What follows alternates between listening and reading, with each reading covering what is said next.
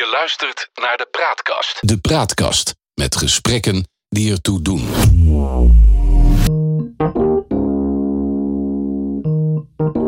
Dit is CNR, de podcast met Chris Wolters en Raymond Laurier. Je hebt op de playbutton geklikt van CNR op de Praatkast. Wederom leuk dat je luistert. CNR, wij, Chris en ik, selecteren zorgvuldig wat uit je speaker of uit je koptelefoon komt. Voor onszelf, voor jou en vooral met jou. CNR is een pure podcast en net even anders. Een podcast van de Praatkast met gesprekken die ertoe doen. Dit keer in aflevering 4 en voor alle duidelijkheid deel 2 van uh, aflevering 3. Ik vertrek, maar dan net even anders. We hebben in deel 3 al met hem gesproken. En het is een man die al 20 jaar werkzaam geweest is als psycholoog. Hij heeft een eigen praktijk. Hij werkt hard, hij is getrouwd en hij heeft zijn kinderen opgevoed samen met zijn vrouw. En dan in één keer een ommezwaai in zijn leven, in hun leven. Hij sluit zijn praktijk, hij verkoopt zijn huis, hij besluit om samen met zijn geliefde een fietstocht te gaan maken door Azië. De ene denkt, daar moet ik niet aan denken. De andere denkt, kon ik het maar. Dankzij de moderne techniek schakelen we wederom weer live over naar Bali, want daar zit hij nu, naar onze gast Eugène Oostveen. Eugène, we hebben in deel 3 uitgebreid met je gesproken en in dit deel willen we het graag oppakken en willen we allereerst van je weten, ben je nou met pensioen of ben je nog steeds aan het werk? Ik ben absoluut aan het werk. Ik ben nooit met pensioen. Ik vind mijn werk veel te leuk. Wat doe je precies vanuit daar? Want het is allemaal digitaal wat je doet. Kan je daar iets over vertellen? Ja, zeker, zeker. Dat, um, dat is digitaal. Doe, um, in een notendop, als jij naar een psycholoog gaat tegenwoordig, en dat is niet alleen in Nederland, maar dat is in heel Europa. En uh, jij wil naar een psycholoog, dan zegt die huisarts: dat is hartstikke goed, Raymond, maar dan moet je vier maanden wachten. En vervolgens moet je het in je eentje uitzoeken. En als je mazzel hebt, dan krijg je nog wat overbrugging bij een huisarts. Maar dat, uh, dat is het dan niet. En vervolgens raken mensen daarbij echt toch wel in een dip. Klachten verergeren. Partners hebben last van, kinderen hebben last van. En ik heb een programma uh, geschreven, online programma en offline programma noemen ze dat. Uh, om die wachttijd te overbruggen. Dat hebben we onderzocht met de Radboud Universiteit. Dat heeft effect. En nu ben ik dat aan het uitwerken en uitbouwen. Dat dat gebruikt gaat worden bij instellingen ter overbrugging van die wachttijd. En hoe werkt dat en waar kunnen mensen dat zien of horen um, op het net? Dat is niet te zien en niet te vinden. Um, als je vraag goed daaruit ziet, dan uh, betekent dat in deze fase dat bijvoorbeeld een grote instelling op het moment dat je belt, Um, uh, in ieder geval dat, dan, dat je direct wordt teruggebeld. Direct wordt teruggebeld. En dat er direct een programma gestart wordt. Wat um, allemaal gebruik maakt van psychologie, van beweging, van voeding. En mensen dus echt het gevoel hebben dat ze gesteund worden. In plaats van dat ze aan hun lot worden overgelaten. En dat gaat um, allemaal mooi via computer, maar ook je wordt gebeld, je krijgt een mail, je kunt uh, met virtuele classrooms kun je meedoen. Nou, dat zijn allemaal, gaat een beetje over techniek, maar um, om iemand echt het gevoel te geven dat er nog steeds zorg is, dat die wachtende een gezicht heeft. Dat is um, nog niet te vinden, maar als de instelling zegt van ja, dat willen we gaan gebruiken, dan kunnen mensen dat geleverd krijgen door de betreffende instelling. Dus heb je dat uitgezocht hoe dat zou kunnen werken. Kun je dan niet veel makkelijker een boek schrijven en daar gewoon uh, mee te kopen of de markt opgaan en dan uh, zeggen: Nou, dan kan ik op Bali zitten en de rest doet het boek? Als, als mijn vrouw nabij zou zitten, en dan, dan, zou, dan zou zij misschien zeggen: Ja, hij moet inderdaad een boek schrijven. Maar ik ben wel iemand die echt heel. Um, die, die een bepaalde betekenis zoekt en een bijdrage wil leveren aan maatschappelijke problemen. En een wachttijd is een enorm maatschappelijk probleem. En dat is niet alleen het maatschappelijke probleem van degene die wacht, maar ook van jou en mij die belasting betalen. Uh, voor allerlei consequenties die dat heeft. Faillissement, uh, uh, druk op jeugdzorg, omdat de kinderen last van hebben.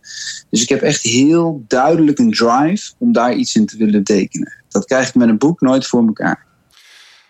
Nou kan ik me voorstellen dat mensen nu luisteren en zeggen van ja, maar ik zit al maanden te wachten en ik krijg niet een psycholoog. Ik kan er niet heen. Die horen dit nu. Uh, wat moeten ze dan nu doen om wel in contact met jou te komen dan?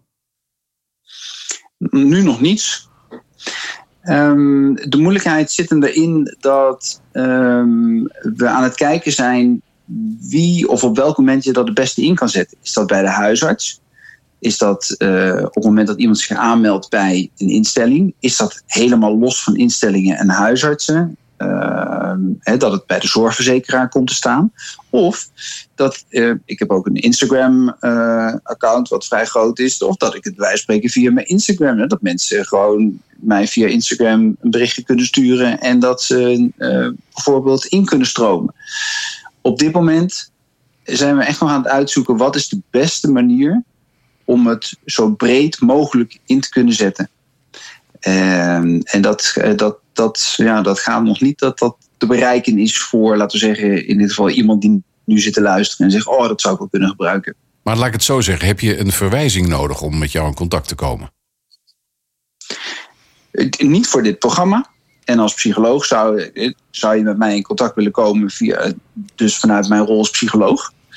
En een afspraak met mij willen maken. Nou, op dit moment eh, ben ik natuurlijk een beetje bevoren. Dus de praktijk is niet, ehm, die, die loopt nu niet. Dus in principe ben ik nu niet werkzaam als psycholoog. Maar zou je een afspraak met mij willen maken als psycholoog? Ja, dan heb je een verwijsbrief nodig. Maar voor dat programma dus niet. Hm. Nu heb je het over mensen die uh, een beetje in de problemen zouden kunnen zitten, die met zichzelf in de knoop zitten. Maar nou zijn er ook mensen die plannen hebben en ambities. En uh, jij schrijft al zelf, de, waarom blijven die mensen dan hangen in straks of morgen begin ik? Dat prikkelt. Want waarom doen we dat niet gewoon? Ja, ontzettend boeiend. Ik, uh, ik, ik ben helemaal gefascineerd ook naar hoe mensen keuze maken en, uh, en, en, en welk gedragsstijl gebruiken. Dus er zijn een heleboel mensen die echt wel goed in het voorstellen zijn van, oh, uh, dan ga ik dat en dat doen. En, uh, en dan ga ik, uh, dan ga ik uh, de gezonde boodschappen in huis halen. En dan ga ik zorgen dat ik de chocola laat staan. En dan begin ik bij de fitness. Ja, morgen ga ik dat abonnement afsluiten. En als je dan de volgende dag aan het einde van de dag vraagt: heb je dat gedaan? Nee. En om de doodsimpele reden dat mensen eigenlijk ontzettend lui zijn. Dat mensen heel erg verleidbaar zijn, afleidbaar zijn. En vrij impulsief en voor makkelijke oplossingen gaan. En dat, is, dat zit in de evolutie, dat zit in ons, in ons brein, in ons functioneren. En we overschatten dus heel vaak dat wij uh, heel erg standvastig zijn en heel veel controle hebben. Het is helemaal niet zo. Wij laten ons uh, heel snel uh, afleiden door lekkere dingen. Waardoor door, worden we afgeleid? Nou, het, het, weet je, wij allemaal, je kent allemaal het, um, het fenomeen, je, je, uh, je wilt boven iets pakken of ergens een andere kamer en je loopt er naartoe en vervolgens weet je niet meer wat je moet pakken. Dat, dat is niet omdat je per se bent vergeten, dat is omdat andere informatie binnen is gekomen. Er komt net een berichtje binnen op je telefoon, die haal je even uit je zak. Um, er gebeurt buiten wat, er is een geluid van hé, wat is dat een bijzondere vogel. Um, en dat komt omdat wij gewoon ook van oudsher en dat we heel gespitst zijn en nieuwsgierig zijn. Dus elk kind, ook als je een kind kijkt van de vroege ontwikkeling, die haalt dingen uit elkaar, maakt dingen kapot, stopt het in zijn mond. En dat is, dat is gewoon onze manier om om te gaan met nieuwe dingen. We zijn gewoon allemaal nieuwsgierig en extraatjes. En uh, daardoor zijn wij gewoon ontzettend afleidbaar. Dus we hebben wel een idee van een goed plan. En dus, dus morgen begin ik. En dat is dan ook meteen het antwoord eh, op de vraag van Chris. Weet je, mensen hebben echt de juiste intentie. Morgen ga ik sporten. Morgen ga ik het abonnement regelen. Maar ze raken afgeleid. En dan vervolgens schuiven ze hem door. Maar dat betekent dus dat er veel te veel impulsen zijn. Dat je voortdurend afgeleid wordt van, je, van de rechte lijn, zou ik maar zeggen. Ja, ja, dat is inderdaad wel zo. Er zijn een heleboel impulsen. En die impulsen die brengen ons, die halen ons van ons stuk, die halen ons van ons pad af. Um, en wij kiezen zelf ervoor om die impulsen wel uh, binnen te laten komen. Nou, daar is natuurlijk een heleboel over te doen als je het hebt over prikkels en uh, mobiele telefonie. En, en zo'n mobieltje en allerlei, allerlei zaken. Maar ja, feitelijk waren die er misschien altijd al. Hm. Misschien niet zo extreem als bij een telefoontje, maar, uh, maar wel uh, geluiden in het bos of geuren. tegenwoordig zijn we natuurlijk vrij, vrij ingesteld op, op, op, op mobiel en op on, online. Allemaal buzzers en zoometjes en allemaal dingen die binnenkomen. maar vroeger waren we dat ook. Alleen dan uh, kwam, het, kwam, het, kwam, kwam, er een geur binnen die je niet vertrouwde, of, of was het iets anders. Hm. Ben jij nou een man die mensen uit het motivatiedal weet te trekken en dan door weet te brengen naar de optimisme top? Ehm, even kijken, twee antwoorden. Ja, want, want ja, ja dat, dat zeker. Omdat ik wel, omdat ik echt geloof dat um, energie hebben. Hè? Dus, dus ik ben vrij energiek. Soms ben ik ook een stuiteraar en een beetje ADHD is mij ook niet vreemd. Dan um, is energie wel iets wat aanstekelijk is. En als het echt iemand helemaal overspoelt, dan is dat lastig. Maar ik kan wel vrij veel energie hebben. Dus in die zin kan ik iemand best wel, en dat is me motiveren tot een bepaalde, uh, uh, tot, een, tot een bepaalde groei. Of optimisme. Hè? Want die energie die, die pikt een ander dan ook op. Um, ik zou ook denken, ja, ik ben ook wel goed om mensen hoop te geven. Weet je, ergens een geruststelling te hebben. Het komt weer goed. Het komt echt weer goed. Komt echt weer goed. En of dat een oprechte belofte is en of dat eenmaal klopt. Maar hoop hebben mensen ook nodig. Dus, dus dat zou ik zijn. Maar, ik, maar het andere deel van het antwoord is dat ik niet zo in motivatie geloof. Mensen zijn helemaal lyrisch over motivatie en, en mindset en al die woorden. En uh, ja, ik denk altijd na over, over dingen. Dat zit natuurlijk een beetje in me. Daarom doe ik ook misschien zo'n studie uh, psychologie. Maar motivatie, mensen, dat verhaal wat ik net zei, is mensen zijn oprecht gemotiveerd om morgen te gaan beginnen en naar die sportschool te gaan. Ze hoeven alleen maar even te fietsen stappen of even, als ze toch uh, boodschappen doen, even langs te gaan bij de Fit Free. Um, maar ze raken afgeleid. Dus ik ben zelf iemand die veel meer gefocust is op, uh, uh, op zelfbeheersing. Wilskracht, zelfbeheersing. Dus je niet af laten leiden. En, uh, en dus ben wat minder gefocust op uh, motivatie. Je luistert nog steeds naar deel 2 met Eugène Oost, een psycholoog. Wil je deel 1 terugluisteren? Even terug naar aflevering 3. Zo simpel is dat op de praatkast bij CNR.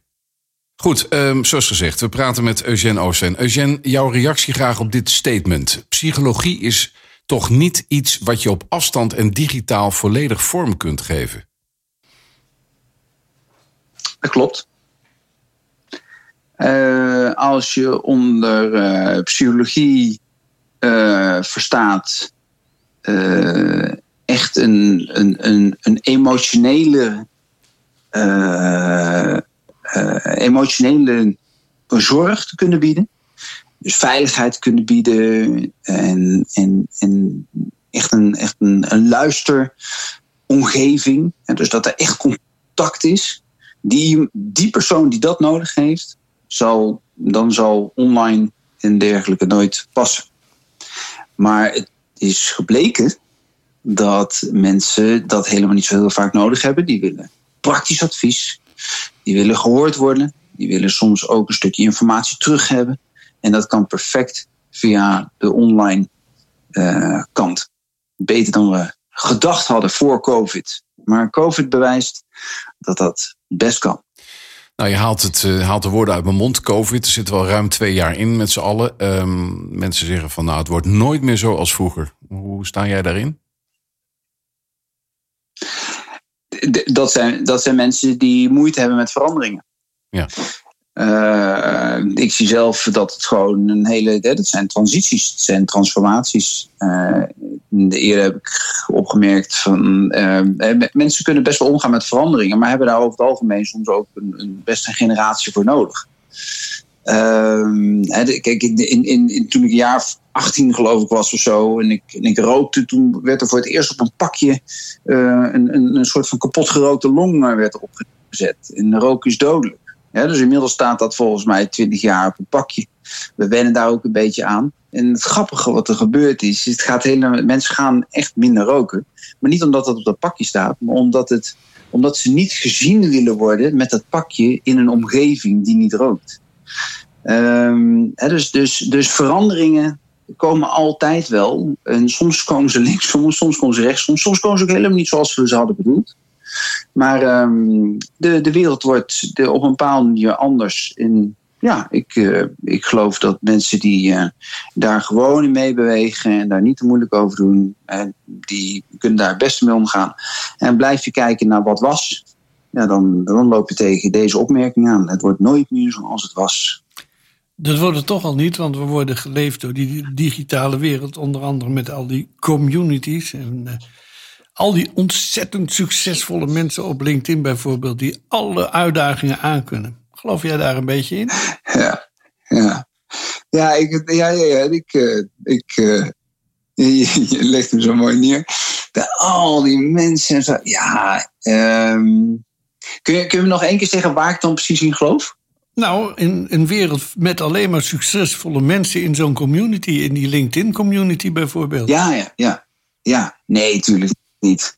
Ja, dat is allemaal zulke dikke onzin. Ja, weet je, op zich genomen, ik, ik, um, ik, ik vind de laatste tijd zie je op LinkedIn iets meer um, persoonlijke verhalen naar voren komen. Ook LinkedIn verschuift wat.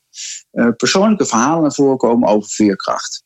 Hè, waarbij dat dus als ware LinkedIn bijvoorbeeld iets meer een platform wordt voor, um, hè, uh, ondanks alle tegenslagen is dit en dit gelukt. Hè, dus de veerkracht van mensen. Ik vind dat wel mooi bij LinkedIn dat dat dus, dus in die zin een beetje een positieve vibe uh, krijgt. Dat was, eerder was het namelijk super zakelijk. Um, maar het verleidt wel heel erg sterk om bij wijze van spreken dat met z'n allen te volgen. En dat je dus eigenlijk alleen maar je successen deelt. En het is bekend van, nou met name Instagram of TikTok of, of dat soort uh, platforms, dat er inderdaad um, nou ja, het, lijkt alsof je uh, succes moet hebben. Dat je, uh, dat ligt een beetje aan hoe je succes natuurlijk formuleert. Maar um, dat, je, dat, je, dat je maatje 36 moet hebben. Dat, dat je op zijn minst um, een, een, eigen bedrijf moet hebben gestart. dat je in vier jaar door je opleiding heen moet zijn gegaan. Dat je een gelukkige relatie hebt. Dat je ook drie keer per jaar vakantie gaat. En ja, dat is. Ja, dat kan gewoon niet. Weet je, geluk bestaat bij de gratie van tegenslag. Dan lijkt, ga je geluk pas koesteren. Ja, het lijkt wel menselijk. Ik hoor een verhaal wat 9 op de 10 Nederlanders bijna vertellen, toch? Ja, ja, ja, weet je, het, het, misschien, misschien is dat niet zo ver voor mij om te zeggen, maar weet je, het, ik, ik heb natuurlijk al wat uitspraken Weet je, mensen zijn impulsief, mensen dat, nee, kiezen voor de makkelijke oplossing, zijn lui. Dus op die manier ook inderdaad een specifiek geheugen dingetjes. Ook dat, we vergeten soms ook de negatieve dingen. Dat is natuurlijk hartstikke functioneel, want anders zouden we 10.000 jaar geleden ook depressief geweest zijn. En hadden we nooit willen overleven. Um, dus het is, het, het, is ook iets in ons dat we het positieve er wat uitlichten. Nou, daar ben ik heel erg voorstander van, want het heeft helemaal geen zin om depressief te gaan zitten wezen. Um, maar we, kijken soms ook wat simpel. Dus dat, als we dan lekker op vakantie zijn, dan, uh, ja, dan is, het, is het leven goed. Je luistert eh, naar CNR met psycholoog Eugène Oostveen. Uh, we gaan het afronden. En nou wil ik het even hebben over jouw toekomst. Je hebt een deel afgesloten van je leven, zaken achter je gelaten. Je hebt je praktijk gestopt. je bent gestopt met je praktijk. Je hebt je huis verkocht. Je zit in Bali. Je gaat op de fiets met je vrouw. Ga je heel veel fietsen. Voordat we verder gaan, kort antwoord. elektrische fiets of normale fiets? Normaal. Goed zo. Um, en je kinderen heb je achtergelaten. Um, na deze episode, wat dan met Eugène Oostveen? Ja, als je het zo samenvat, dan klinkt het natuurlijk best wel heel erg uh, heel, spannend. Van, oh mijn god, wat, wat, wat, wat, heb ik gedaan? Wat hebben we gedaan? Um, de, omgeving die vindt het geweldig. De omgeving zegt, oh, dat zou ik ook willen. Want iedereen voelt zich toch een beetje geleefd. Voelt zich toch een beetje in een red race zitten. En zijn slaaf van de hypotheek, allemaal dat soort dingen. Dus eh, iedereen, voelt het, iedereen zou dit, vindt, het, vindt het super en ziet dat ook wel als een soort van vrijheid. Nou heb je ook nog drie kinderen achtergelaten. Daar hebben we het nog helemaal niet over gehad. Maar hoe staan die erin? Blij ja, dat je weg bent? Het, uh, Ja, je zei dat van, nee, je, je, de- ergens in zei je kinderen achtergelaten voor hetzelfde geld. En dat hebben ze ons gewoon een rotspan verkocht. En gezegd van, hè, maar weet je, gaan jullie dan maar gewoon even een eindje naar het buitenland. Ehm, we hebben er met de kinderen helemaal doorgesproken. En eh, dat het nest er niet is. Eh, we hadden heel jong kinderen, dus die zijn inmiddels al 23, 25, 27. Hebben volledig hun eigen leven. En eh, die vinden dit heel erg boeiend. Hebben ook inderdaad eh, gewoon veel contact met ons. Dat kan tegenwoordig ook makkelijk. En die zijn heel nieuwsgierig hoe wij, ja, wat wij meemaken. En die leven heel erg mee. Heb ik nog één vraag. En die vraag Mhm. is, om het spannend te maken, dan heb je heel veel verteld over je kinderen en over we. Maar bevestigt jouw vrouw dit allemaal? Ja. Ja. Dankjewel. Dat is wel een heel kort antwoord. Ja, nou, kan wel daar hoef ik doorvragen. zelfs niet over na te denken. Ik kan wel gewoon doorvragen of Karen het inderdaad zo Ja, met je eens is. Want jullie zitten natuurlijk bij elkaar, tegenover elkaar. Dus je leert elkaar ook veel beter kennen, toch? Ja, dat is. Dat, dat, nou, maar dat vind ik eigenlijk ook wel een mooie vraag. En misschien ook wel een mooie ene laatste vraag. Laatste vraag. Nee, we, we hebben tien dagen quarantaine om te beginnen gehad. Hè? Dus ehm, dan zit je tien dagen op een hotelkamer. Toevallig kon het raampje open. En het raampje dat keek uit op de afvalverwerking in Jakarta. En dan zit je tien dagen op zo'n kamer. Ehm, hier breng je heel veel tijd samen door. Dus je hebt haarscherp, helemaal als je gewoon open bent naar elkaar, duidelijk van wat wil je wel, wat wil je niet. Nee, we zijn het niet overal over eens. Maar wat we nu aan het doen en eh, doen gaan en nog willen, eh, daar zijn we echt eh, heel erg eensgezind in. Oké. Eugène, mijn laatste vraag. Zonder een verwijzing aan te vragen. Wat zou jij de luisteraars als psycholoog nog mee willen geven?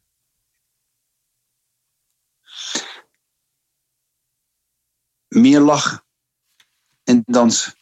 Als ik één ding nu al heb gezien in de afgelopen maanden dat ik hier ben, dan is het twee dingen. Dan zorgt men hier wat meer voor elkaar. Dus ouderen worden ook betrokken, de jongeren worden erbij betrokken. En twee keer per week hebben ze hier lachyoga. Dan zitten er gewoon 200 Balinezen, gewoon op een matje. En dan gaan ze met z'n allen heel hard lachen. Geweldig. En zo worstelen, worstelen ze zich al door twee jaar durende lockdown heen. Worstelen ze zich door geen inkomsten te hebben. En lossen ze het met elkaar op. Ja. Kunnen wij nog een voorbeeld aan nemen. Ik zie Chris eh, eh, heel diep nadenken. Ik denk dat hij dit gaat opstarten hier.